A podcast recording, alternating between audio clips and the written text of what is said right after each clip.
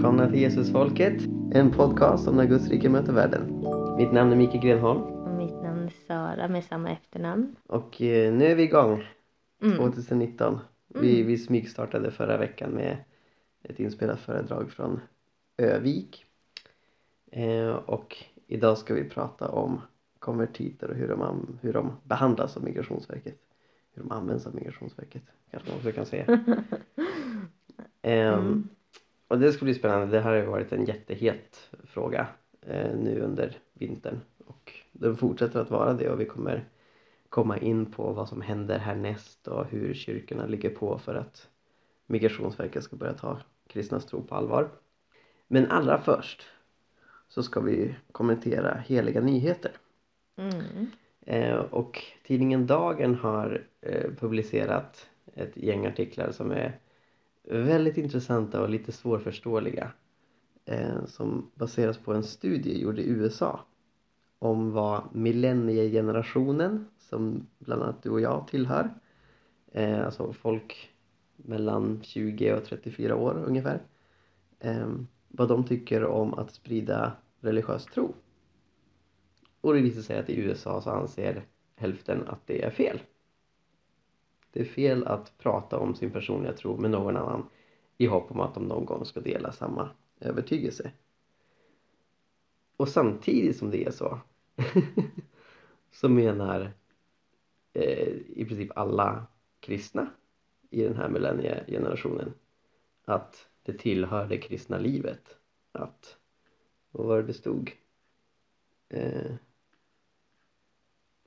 det hänger ihop, eh, deras kristna tro hänger ihop med ett liv där de vittnar om Jesus. Mm. Så hur får man ihop det här? Att de säger ja, det är viktigt för min kristna tro att jag berättar om Jesus men det är fel att berätta för andra om min religiösa tro. Jag tror så här. Jag tror att man idag har eh, breddat begreppet vittna eh, till att inte bara handla om att berätta utan så här eh, typ eh,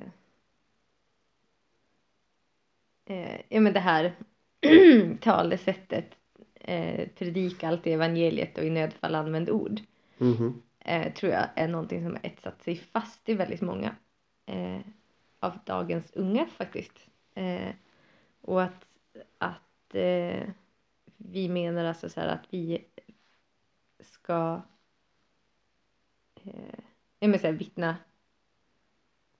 vittna om Jesus med vårt liv så menar vi inte framförallt att berätta om Jesus för människor när vi lever utan att vi menar att eh, helt enkelt visa med goda gärningar och vår utstrålning att vi gör något annat typ. Mm. Och det är ganska lustigt det där ordspråket som du hänvisar till. Ja. Det eh, kopplas ofta samman med Franciscus av Assisi. Ja. Det finns inga bevis att han sa det. Men han kan ju utgöra liksom en symbol för någon som verkligen uttrycker evangeliet i handling. Och jag älskade det ordspråket när jag var ung kristen. För jag tyckte det pekar verkligen på att ah, det är så viktigt att vi hjälper de fattiga, att vi sprider fred, att vi liksom gör gott för även det vittnar om evangeliet. Men jag tycker det blir helt tokigt när det tolkas som predika evangeliet och använd inte ord. att det liksom så här äh, blir en ersättning för att faktiskt förmedla sin tro för andra. För det är viktigt att, att göra gott men det i sig in, enbart det kan inte kommunicera evangeliet. Ja men exakt, alltså jag tror att det ordspråket fick fäste i en tid där det var väldigt mycket eh, ja men väldigt mycket så här namnkristendom eller så här Mm.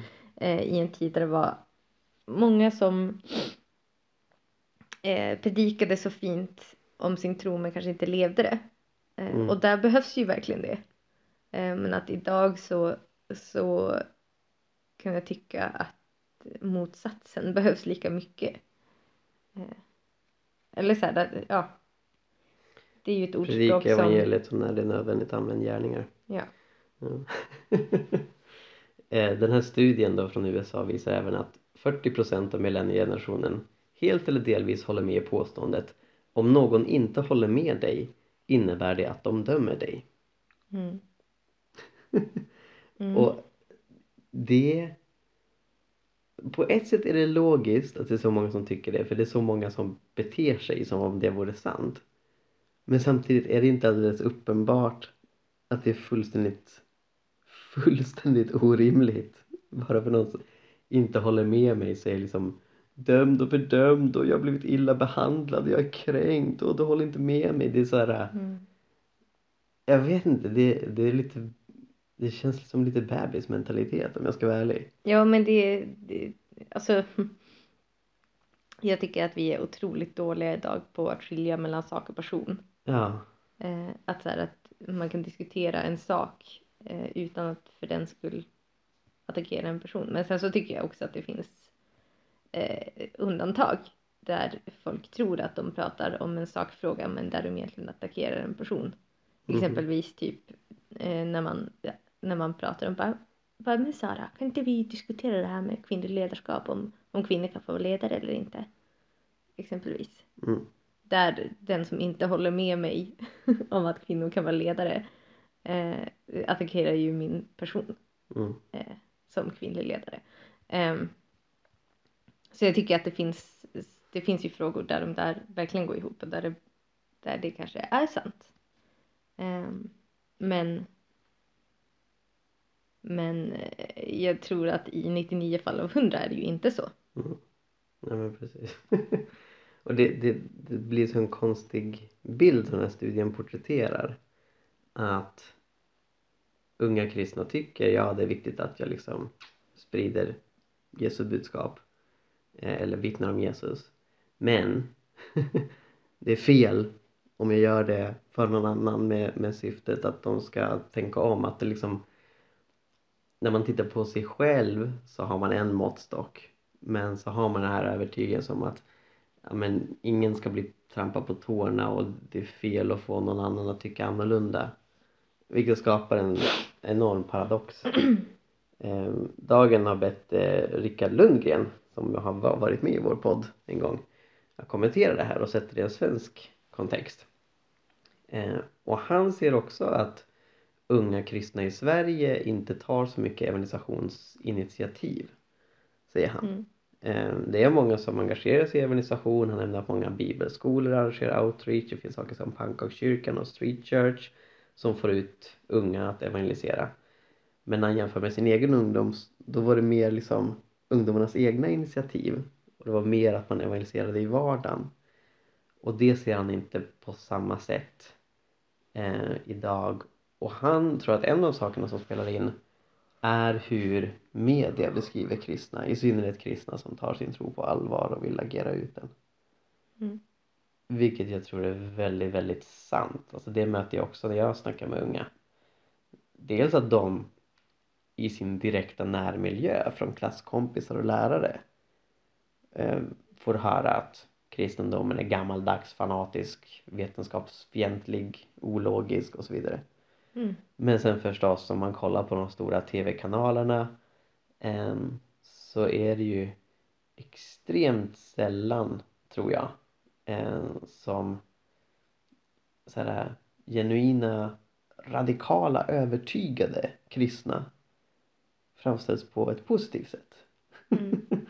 Utan antingen är det en kristen som är väldigt utspädd som man kan liksom vara lite sympatisk gentemot. Men är det så här en kristen som verkligen vill vara kristen, ja men då är det en sektledare eller då är det liksom någon som hatar vetenskap och så vidare. Mm. Och hur förändras det? Nej, men jag tänker att, att eh, jag tänker att vi kristna, alltså för att vi finns på väldigt många ställen i samhället, finns det övertygade kristna som verkligen vill leva för Gud. Mm. Eh, och att vara öppna med att säga jag är kristen, så här lever jag, typ. eh, tror jag faktiskt kan förändra ganska mycket. Att folk kan ha lite källkritik när bara, åh, när media kommer bara, "Åh, kristna är såna här. Så kan de allra flesta säga att jag känner en kristen. Mm. Eh, men problemet är ju att de flesta kristna inte känner icke-troende på ett djupare plan. Eh, och det tror jag är ett jätteproblem i det här, att det är väldigt segregerat. Precis, precis. Och jag tänkt på det här, äh, jag, älskar att vi har kristen media, jag tror det fyller en funktion men ibland så tror jag att, det, att vi, vi för lätt bara går dit när vi vill kommunicera någonting. Mm. Så någonting som jag fokuserar mycket på nu när jag planerar releasen av den här boken om dokumenterad mirakel det är ju hur ska den komma ut i stora media? Ehm, för liksom alla icke-kristna författare de har ju liksom inte de har ganska sällan sin egen liksom sub, subgenre där de liksom kan få ut sitt material utan de satsar ju alltid på liksom de, de stora etablerade medierna. Eh, och där behövs det mer kristen närvaro tror jag. Eh, så ja, segregation. Är en bra beskrivning av det tror jag. Mm. och både okunskapen och den här fientliga inställningen gentemot kristendom ligger till väldigt stor grad bakom Migrationsverkets behandling av konvertiter. Det tycker jag är väldigt tydligt. Ehm, vi har uppmärksammat frågorna eh, som Migrationsverket ställer till konvertiter för att avgöra om deras kristna tro är genuin. Vi uppmärksammade det i podden för över ett år sedan. Ehm, men nu nyligen så satt jag och Andreas Lundström oss ner och gjorde ett test ärjakristen.nu baserat på en idé av vår vän Sofia Gabrielsson. Eh, och la ut det på nätet. Det läckte ut. Vi hade inte tänkt släppa det samma dag som det faktiskt släpptes. Men eh, en kompis la ut på sin Facebook. Åh, jag blev 24% kristen eller vad han blev. Hur kristen blir du? Eh, och sen så satte det igång, igång en, en snöboll. Eh, så i det här testet får man svara på 12 frågor som Migrationsverket har ställt till kristna konvertiter för att granska om deras kristna tro är genuin eller om de bluffar. Om de låtsas vara kristna för att få asyl. Eh, och inom mindre än en vecka, på bara fyra dagar tror jag, så hade 100 000 människor tagit det här testet. Eh, Emanuel Karlsten som kristen och eh, internetguru, han skriver jättemycket om media och hur den nya tekniken påverkar våra liv och så vidare. Han kallar det här för eh, den, den bästa eh, ja, den, den bästa kristna opinionsbildning han har sett. Eh, vilket var ganska häftigt. och också att det kommer just från hans mun, för han vet sina grejer. Eh, nej men det, alltså det är ju helt dramatiskt hur det sprids. Du, du och jag satt ju och spårade det här i realtid Sara. När snöbollen började rulla. Mm. Va, vad tänkte du när du såg att det spred sig? Vi vi visste ju att det skulle bli stort. Ehm, Alltså, jag, ja, jag visste att det skulle bli att, att det skulle bli en snackis, liksom tidningen Dagen och Världen Idag, de skulle skriva om det. mm. Men hundratusen? Ja, men det, det förvånar mig inte. Nej, du, du har suttit och, och förväntat dig det här hela tiden. Ja, ja då. Hade du räknat med att så många icke-kristna skulle ta testet? Um, jag hade misstänkt att det kanske skulle bli så. Eh, eller så här att, att syftet med texten skulle... Eller texten, syftet med testet skulle liksom försvinna lite på vägen. Det hade jag tänkt att så kanske det blir. Du såg eh, feminister som du följer som tog testet till Mm. exempel. Mm. Nej men så här att, att folk att folk börjar använda det som bara, bara jaha, nej men jag är ju bara, alltså jag är ju inte kristen men kolla jag blev lite kristen ändå. Bara, jaha, fast nej men ja. Mm. Ja. ehm, det, det kom ut på torsdag eftermiddag det här testet som sagt utan att vi hade planerat det. På fredagen så pratade jag med nio medier Mm. som ringde upp mig. Ehm, och fyra av dem var kristna medier, fem var stora sekulära medier. Ehm, och sen så har det fortsatt och liksom spunnit på. Jag har debatterat mot Ann Heberlein som tycker att testet är en bluff. Mm. Dels för att hon är besviken att det är jag som har gjort det, inte Migrationsverket. Det tycker hon, då, då är det fejk. Mm. Mm. Trots att jag, jag står som speldesign, Mikael Grenholm, spelidé, Sofia Gabrielsson. Nej, det, det är bluff, det är fejk. Men, men också att hon ifrågasätter om frågorna kommer från Migrationsverket. Mm. Och det, det tycker jag är så otroligt frustrerande Sara därför att så fort man har planterat en lögn i det kollektiva medvetandet så är det jättesvårt att dra upp den. Så hon skrev i sin debattartikel, det här skedde på SVT Opinion, att ja, frågorna påstås komma från Migrationsverket. Och jag är väldigt, vad, vadå påstås? Alltså, jag har ju hämtat dem från SVTs rapportering från Jakob Svenssons magisteruppsats. Det är liksom inte jag som suttit på toa och gissat ungefär vad, vad Migrationsverket skulle fråga utan jag har ju hämtat det från ordentliga källor, inklusive SVT själva. Men sen så tar SVT Opinion live på sin Facebook-sida och de ville ju göra ett program med mig i Göteborg. Sen blev det inte så därför att de hittade ingen motdebattör och det var nog ganska bra för vi skulle ju flytta eh, samma vecka. Men då skriver de på sin Facebook-sida, de gör en sammanfattning av debatten och då har de med Ann Heberleins formulering. Frågorna påstås komma från Migrationsverket. Och jag har sett många som liksom verkligen, ja nej men jag, jag tvivlar på att de här frågorna är från Migrationsverket. Och, och vi har redovisat källorna på hemsidan. Om man trycker på läs mer så kan man klicka sig fram till grundkällorna. Mm. och, och, och, och liksom så här det stör mig så otroligt mycket. Det, det är en grej om de tycker att ja men testet är inte representativt för hur Migrationsverket använder frågor. Det är en del som folk har sagt och det kan man ju diskutera. Men att överhuvudtaget fråga, nej men kommer de här frågorna från Migrationsverket eller är det Mikael Grenholm som har hittat på det? Då går man ju in i en Trump-debatt. Alltså så här, då, det är ju frågor man sätter man den objektiva verkligheten. Då är, liksom, då är frågan, ja men är himlen blå? Är Anne Eberlein en människa eller en krukväxt? Alltså så här, det blir så fullständigt Mm. onödigt att debatten går in på den nivån. Mm. Men det som har varit mest intressant tycker jag, det är Migrationsverkets respons på det här. Mm. Hur skulle du sammanfatta Migrationsverkets respons? Nej men de, de har ju varit otroligt gett dubbla budskap. Ja, Minst sagt. dubbla och trippla och kvadrupla. Ja, nej men typ bara... um, Typ bara, typ bara, vi ställer inga kunskapsfrågor.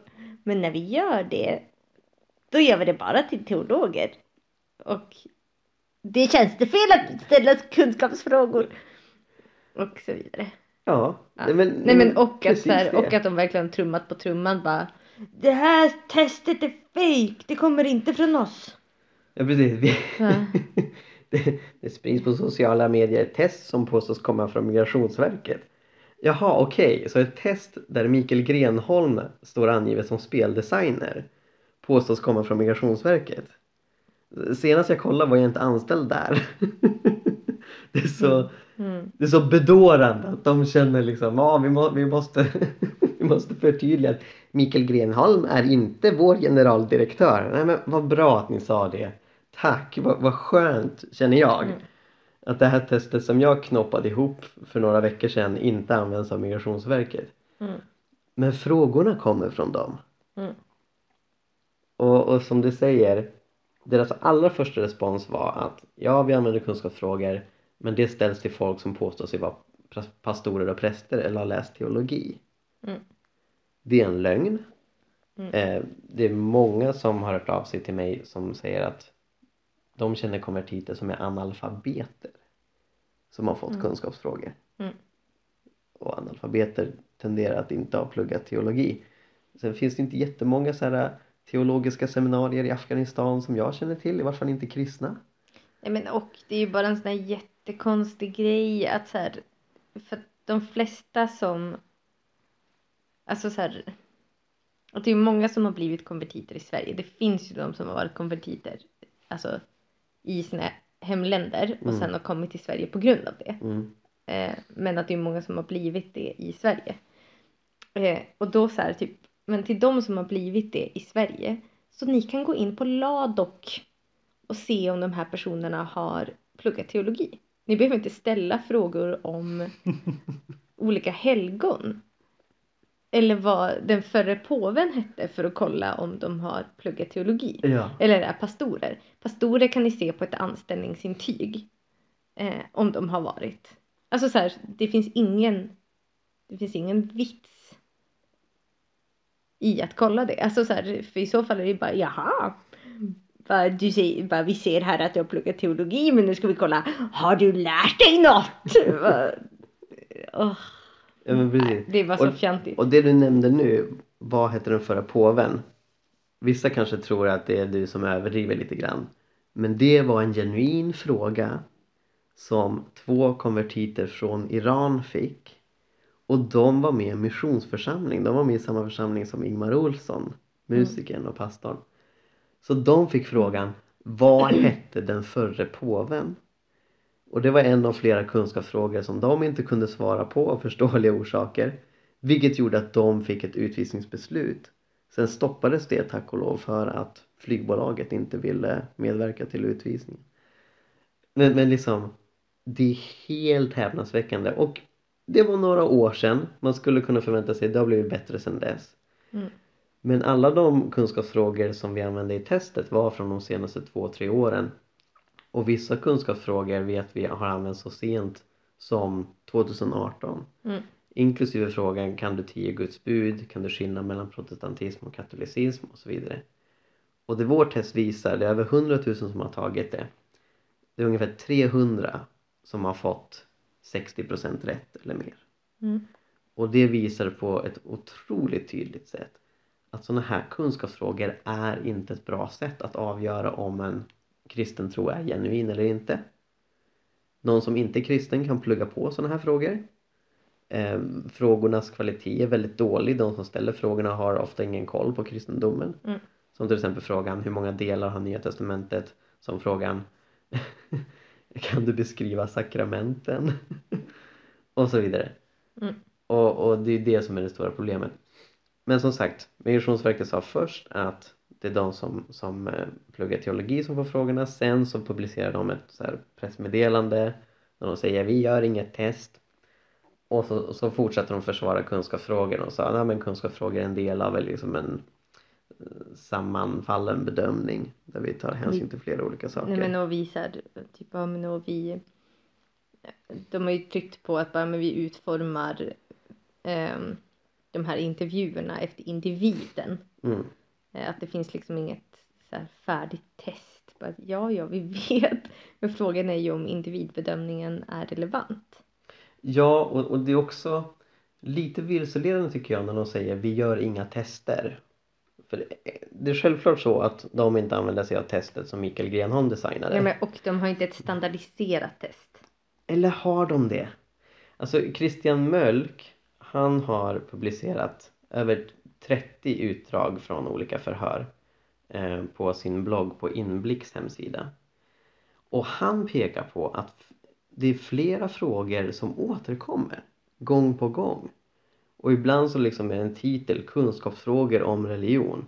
Och så är det liksom samma typ av frågor om treenigheten, om högtider, om evangelierna, om Jesu lärjungar. Och man kan se det här i flera olika förhör.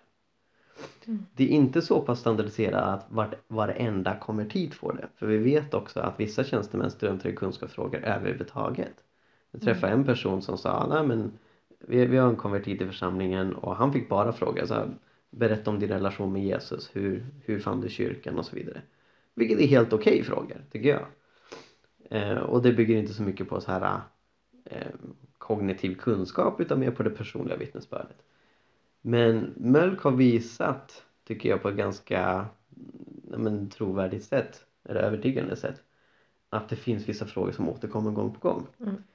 Och det som också är vilseledande med att säga vi gör inga tester, det är att vi vet att vissa får en sån här radda av frågor och även om frågorna kan variera från person till person så är det många gånger som liksom en, en stor mängd kunskapsfrågor staplas på varandra. Eh, en person, en bibelskolelärare, berättade för mig att en konvertit hon känner satt i fyra timmar och fick Mm. kunskapsfrågor. Mm. Och, och, och, och det är ett test. Det skulle jag definitivt säga. Det är ett kunskapstest. Det är ett kunskapsförhör. Mm. Men om, om du har en serie frågor, för då snackar vi inte en eller två frågor utan då är det ju liksom 50 eller mer. Mm. Det är ju definitivt ett test och självklart finns då en förväntan att man ska kunna svara på de flesta av dem. För folk har också sagt, Mm. ja men varför har ni 60% som, som gräns? För vet ni Migrationsverket använder det? Ja. Procentsatsen kan kanske diskuteras men jag tror inte att de förväntar sig att man ska kunna svara på 10% av frågorna. De förväntar sig att man ska svara på hälften eller mer. Det är det Nej, man men- brukar göra när man ställer kunskapsfrågor. Nej men och att det är ju folk som har vittnat nu också om att eh, Nej men om att det läggs väldigt stor vikt vid svaren på kunsk- kunskapsfrågorna när domar görs. Mm. Eh, och det har ju också eh, Christian Mölks protokoll eh, Nej men ja det har ju de också visat att att de här kunskapsfrågorna det är inte bara någonting så här lättvindigt som bara ja men det gör vi bara för skojs skull så utan eh, svarar man dåligt på dem så, så kan det vara skäl till avslag. Bara, ja, nej, Mm. men det verkar ju som att du har en genuin tro men du kunde inte det här. Mm. Typ. Och vissa av de här är så otroligt bisarra. Det, det Mm. mest sjukaste jag har sett det är trafikolyckan. Så en person från Afghanistan är konvertit, han vill bli Mm. pastor i framtiden. Och han fick eh, frågan under förhöret, kan du be Fader vår? Vilket han satt igång och gjorde. Tolken översatte honom felaktigt. Så istället för inled mig inte frestelse och fräls mig från det onda så översattes det med inled mig inte i trafikolyckor. Och därefter så fick den här personen avslag och motiveringen var bland annat att han inte på ett övertygande sätt kunde beskriva den inre processen och de överväganden han gjort i samband med sin konversion. Han har uppgett att den enda anledningen till att han ber är att undvika trafikolyckor. Va? Mhm. Så, på grund av att tolken översätter frestelse till trafikolyckor så tar Migrationsverket och säger okej, han ber bara för att undvika trafikolyckor, han är inte kristen, han ska ut. Han ska ut, ut till ett land där kristna förföljs. Mm. Alltså maken till bizarr och fullständig kompetensfri hantering har jag Mm. aldrig stött på. Alltså det, det, det är så sjukt, så fullständigt sjukt. Och det här är bara ett av väldigt många exempel Ja. som vi har sett på. Nå, som vi var inne på tidigare, Migrationsverket under um, fredagen, vilken fredag var det egentligen? Minns du när, när vi släppte testet? Sådär? Det måste ha varit den 25. Nej, jag tror det var Nej men fredagen 18. den 25. Nej, det var den 18 januari. Ehm, för då, då så evangeliserade vi upp utanför universitetet samma dag. Ah just det. Ja. Ja, det stämmer. Så den 18 januari, då så på förmiddagen så sa Migrationsverket vi ger bara frågorna till de som har pluggat teologi och sen så fortsatte de med, och de, de strök det här med teologi i sitt pressutlåtande men då liksom, ja men vi använder frågor till, till viss mån och liksom på, på ett ordentligt sätt typ. Sen så ringer en reporter från tidningen Sändaren till mig på eftermiddagen och säger jag pratar med Fredrik Beijer som är rättschef och han säger att de inte använder kunskapsfrågor om det är en tjänsteman som använder kunskapsfrågor så, så begår den tjänstefel. Mm. Vad säger du om det? Och, och jag trodde inte mina öron. Men, men, Mm. men va? Men de har ju, Migrationsverket har ju gått ut och försvarat kunskapsfrågorna nu på morgonen. Men, men mycket riktigt eh, så, så hävdade han det. Ehm, Så sen så publicerades den här artikeln på, på sändaren. Tyvärr finns den inte eh, online. Men eh, jag hänvisar till den i ett blogginlägg på hela pingsten. De fem sjukaste sakerna Migrationsverket har frågat konvertiter om. Så där kan ni se källan att Fredrik Beijer säger att kunskapsförhör inte ska ske. Mm. Eh, och det, det är i linje med, med saker som både han och generaldirektören för Migrationsverket har sagt tidigare. Att de vill inte att kunskapsfrågor ska användas. Fredrik Beijer har till och med sagt till Sydsvenskan vi har trampat snett i de här ärendena det handlar om brist på erfarenhet och omdöme så han, han erkänner att de har gjort fel de har använt sig av kunskapsfrågor och inte vilka frågor som helst utan väldigt dåliga frågor som inte Mm. säger något om en person har genuin kristen tro Mm. misstag har begåtts jättebra att han kan erkänna det problemet är att en tid senare, jag tror det var veckan efter allt det här hände så pratade tidningen Dagen med Fredrik Beijer Mm. och då hävdade han att inga konvertiter eller snarare genuina konvertiter har utvisats av Migrationsverket. Mm. Inte en enda. Mm. Och jag menar, hur får man ihop de två tankarna samtidigt? Att han, han erkänner att fel har begåtts, han erkänner att kunskapsförhör ska inte förekomma. Det begås tjänstefel när de förekommer. Vi vet att kunskapsfrågor har använts, att de har legat till grund för avslagsbeslut. Och samtidigt hålla fast i att inga konvertiter har utvisats.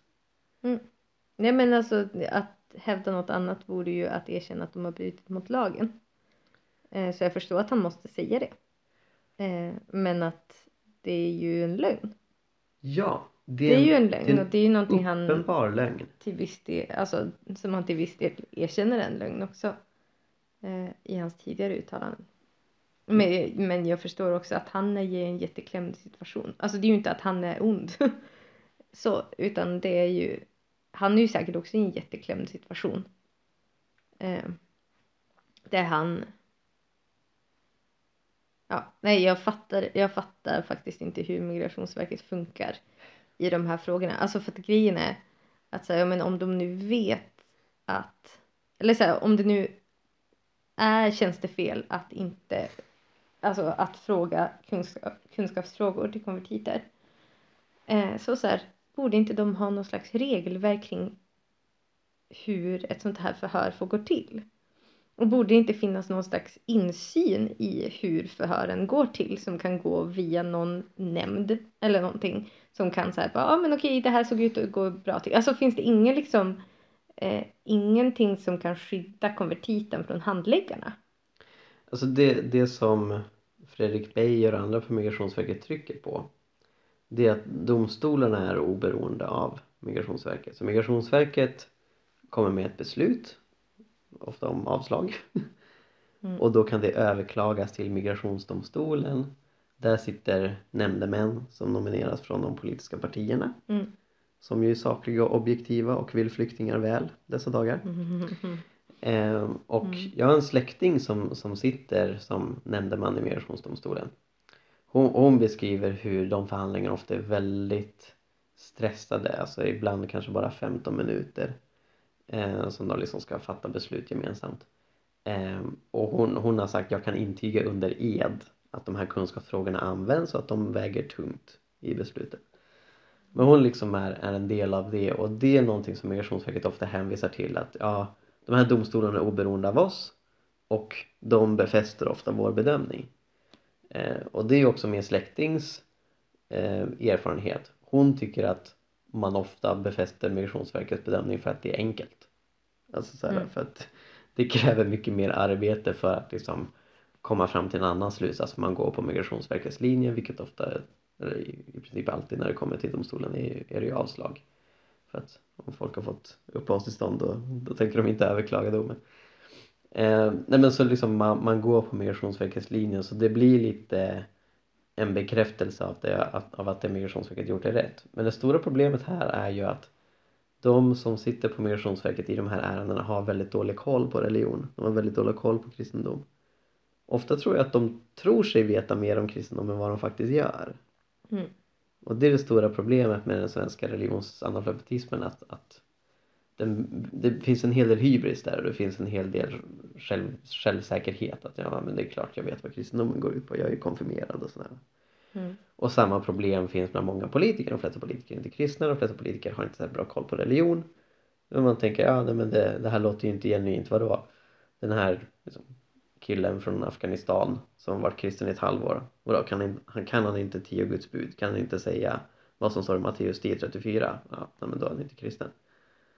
Ehm, Så, så det är ju det som komplicerar bilden ytterligare och det som verkligen behövs tror jag är att politikerna gör någonting åt det här. Mm. Eh, därför att vi kan klaga på Migrationsverket tills det blir 2050 men även om jag tror att de kan förbättra sina rutiner som myndighet så är de också begränsade som myndighet i vad de kan göra. Deras regler kommer uppifrån.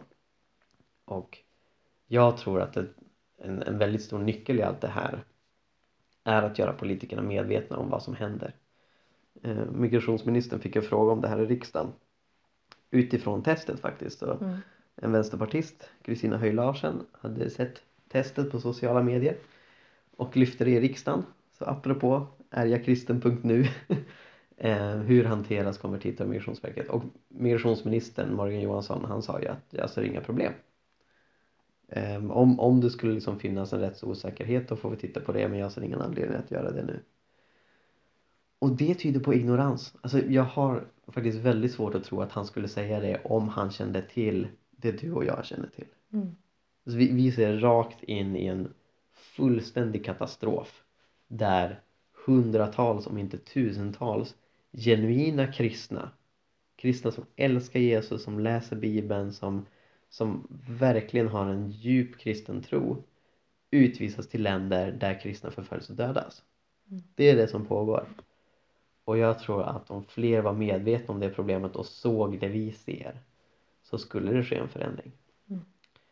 Så jag hoppas verkligen på det. Men sen, ja, men du, du sa tidigare att Fredrik Beijer kan inte göra så mycket annat än att ljuga eh, för att inte erkänna att han bryter mot lagen.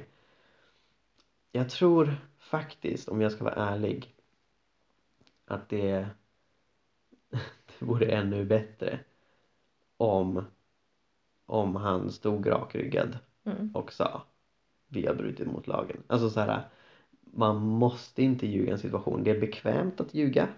Det är bekvämt att hålla fast vid en absurd lögn istället för att erkänna att här, här begår det liksom ett stort haveri.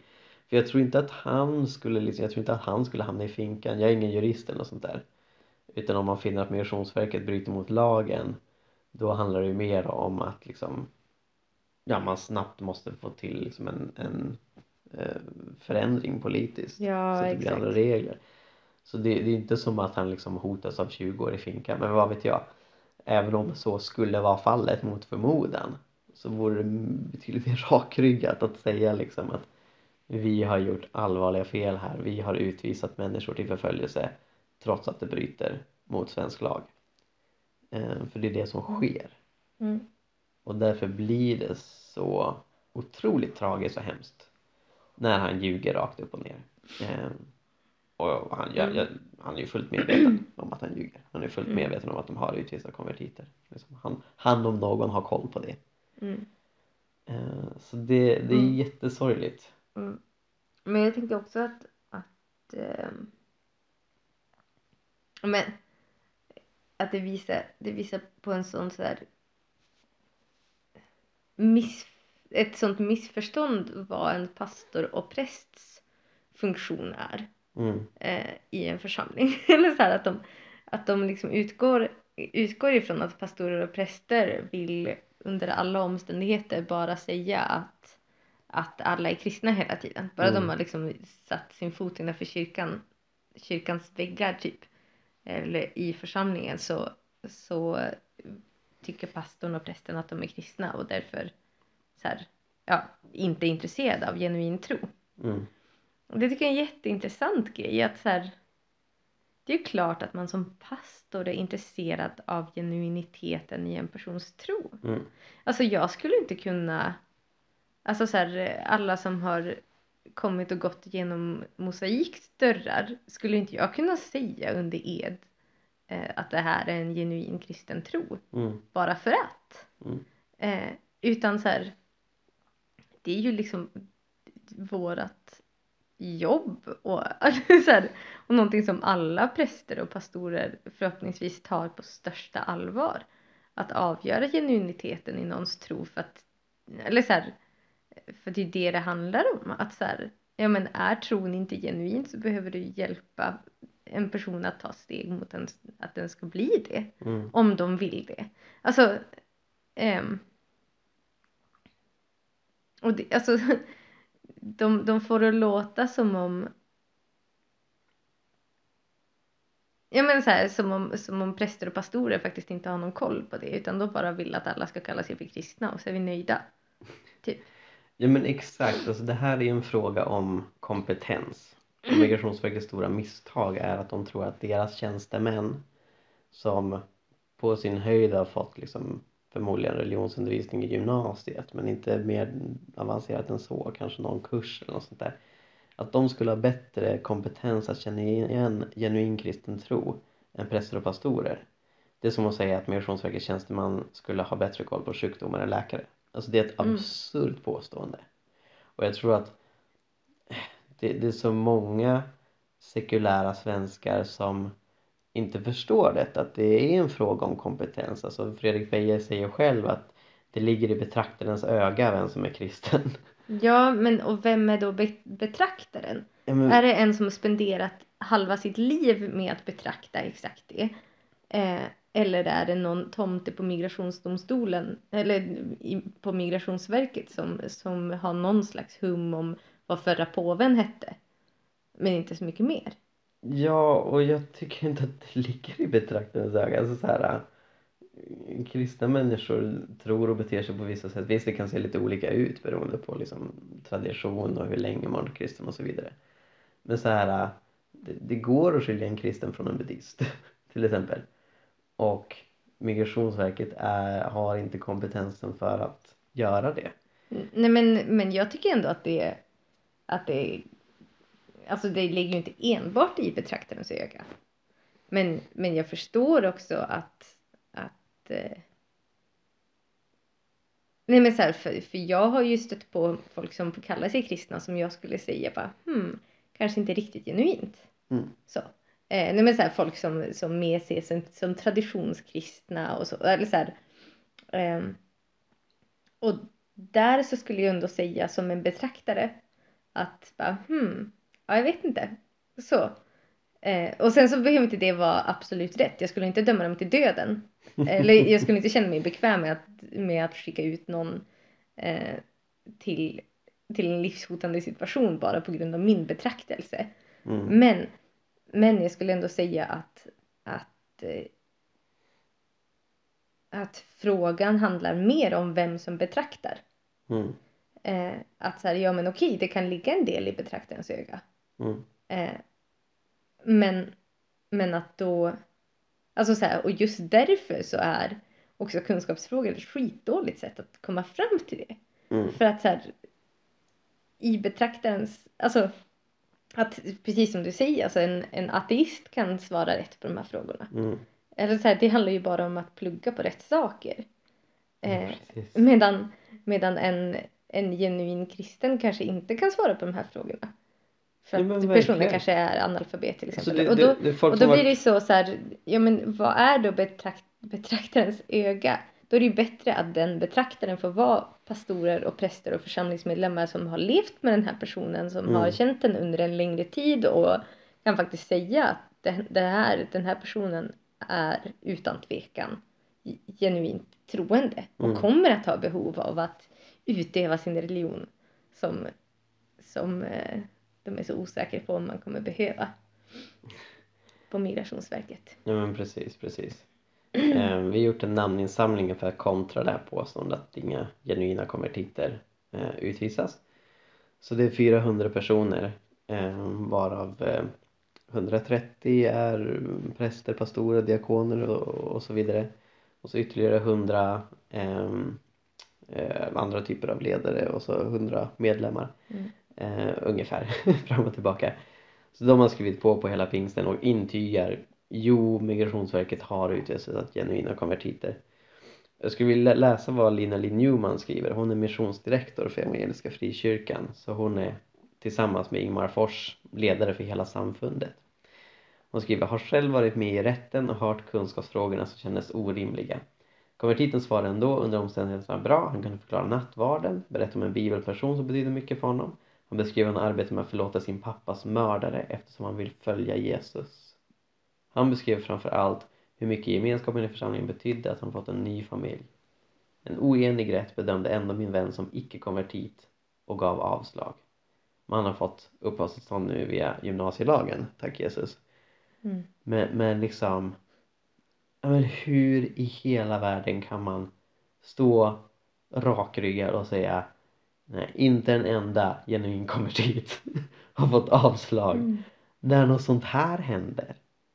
Men en, en, kille som, ja han uppfyller kunskapsfrågorna, jippi tjohej, eh, hans församlingsmedlemmar kan intyga, han är genuin kristen och han arbetar med att förlåta sin pappas mördare för att han har mött Jesus. Ja men ah. Men alltså allvarligt talat. Jag tror inte det finns många som inte har mött Jesus som överhuvudtaget skulle få för sig att göra en sån sak. Ja. Nej, men det, det är en sån, det är en sån typisk Jesus-grej. Det är något som Fredrik Beijer förmodligen aldrig skulle vilja göra om han hamnade i en sån hemsk situation och om han inte mötte Jesus. Alltså, ja.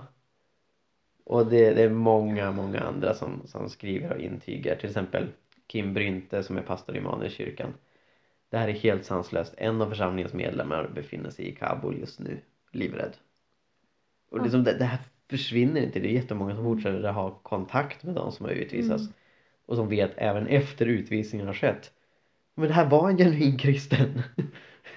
som nu är livrädd förstås. För att de befinner sig helt plötsligt i ett land där kristna förföljs och dödas.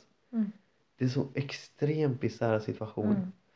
Mm. Eh, Men jag är hoppfull. Jag tror att det här kommer att förändras. Jag tror att så fort politikerna på en bred front förstår problemet som det är, de ser samma sak som vi ser.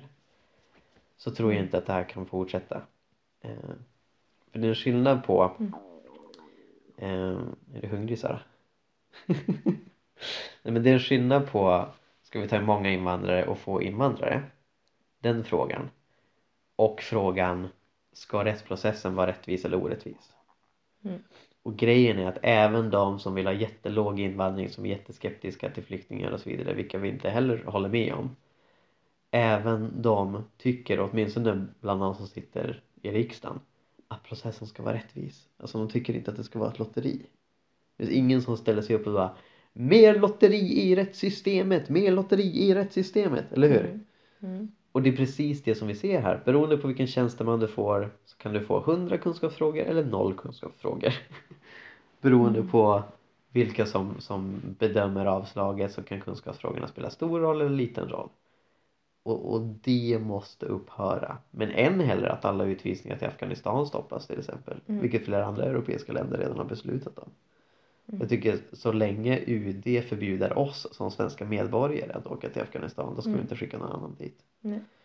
Och det är ju en ännu större fråga men av det allra minsta så kan vi se till att det här lotteriet och de här bisarra kunskapsfrågorna eh, blir ett minne blott. För det är inte okej att det fortsätter. Nej, verkligen. Har du något mer att tillägga Sara? Nej.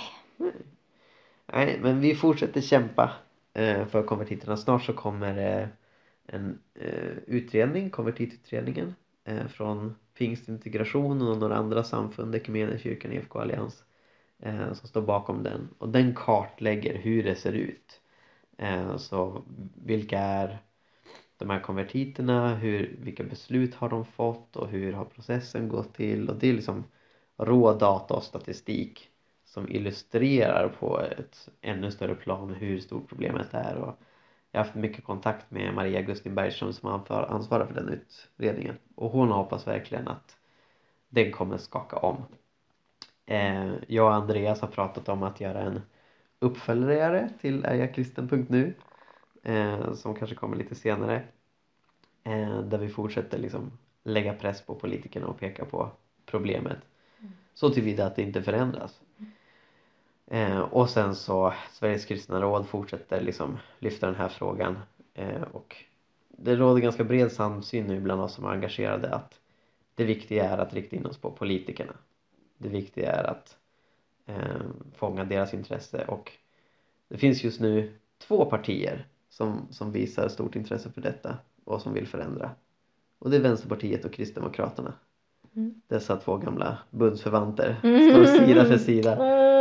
Åh, gulle! Ja, nej men alltså jag, jag tycker det är fantastiskt. Ja, men, och, och det ger mig också hopp Ja, att Vänsterpartiet visar ja, eh, intresse för det här. Eh, för att det är en sån... Eh, man säger, de har ju varit väldigt religionsfientliga ja. eh, och är det till viss del fortfarande. Eh, och det, det ger mig ändå lite hopp att till och med de, Jo men precis och, och jag tror att den här frågan Kristdemokraterna förvånar mig inte. Nej, nej men precis, så de kommer in från lite olika infallsvinklar. Men alltså Kristina Höj Larsen som jag har berättat om tidigare, han har jag jättestor respekt för. Eh, för hon är engagerad just i flyktingfrågan och, och tar de här frågorna på allvar. Mm. Sen så ser vi också att det har blivit mer och mer vanligt med eh, konvertiter till ateism. Så man lämnar islam för att bli ateist. Och även de drabbas av den här extrema skepsisen. De får svara på jättekonstiga frågor och bli utvisade. Mm. Eh, så det, är liksom flera Mm. olika grupper som sitter i samma båt och Mm, vi bör definitivt kroka arm och tillsammans kämpa Mm. för att systemet ska förbättras. absolut. Alright, skönt att få eh, lyfta på locket och ta, tala ut om allt det här. Eh, det har varit väldigt många som, som har kontaktat mig och ställt frågor om ditt och datt och så vidare. Jag hoppas att det här poddavsnittet kan förtydliga saker. Mm. Och eh, vi ser fram emot att komma tillbaka snart med ett poddavsnitt om psykisk ohälsa. Mm. Eh, vi har pratat med min syster Siri Strand som driver Pillepodden tillsammans med Emma Westers Rudin och Therese Eriksson som är författare och föreläsare och pratar om psykisk ohälsa i kyrkan. Så vi har redan eh, spelat in ett avsnitt tillsammans med dem eh, och det ska bli jättespännande att få publicera för deras tankar om psykisk ohälsa, vad det är och hur det hanteras i kyrkan och, och vad vi ska tänka på när vi möter ungdomar med psykisk ohälsa är verkligen jätteviktigt eh, och någonting som vi vill förmedla till er. Eh, så det blir eventuellt nästa veckas avsnitt om vi inte får för mycket att göra, då blir det veckan därefter. Eh, så se fram emot det! Och i övrigt Sara. Ha det gott, igelkott. Tack. Tack. Hej, hej. Gud välsigne er. Ha det bra. Puss, puss.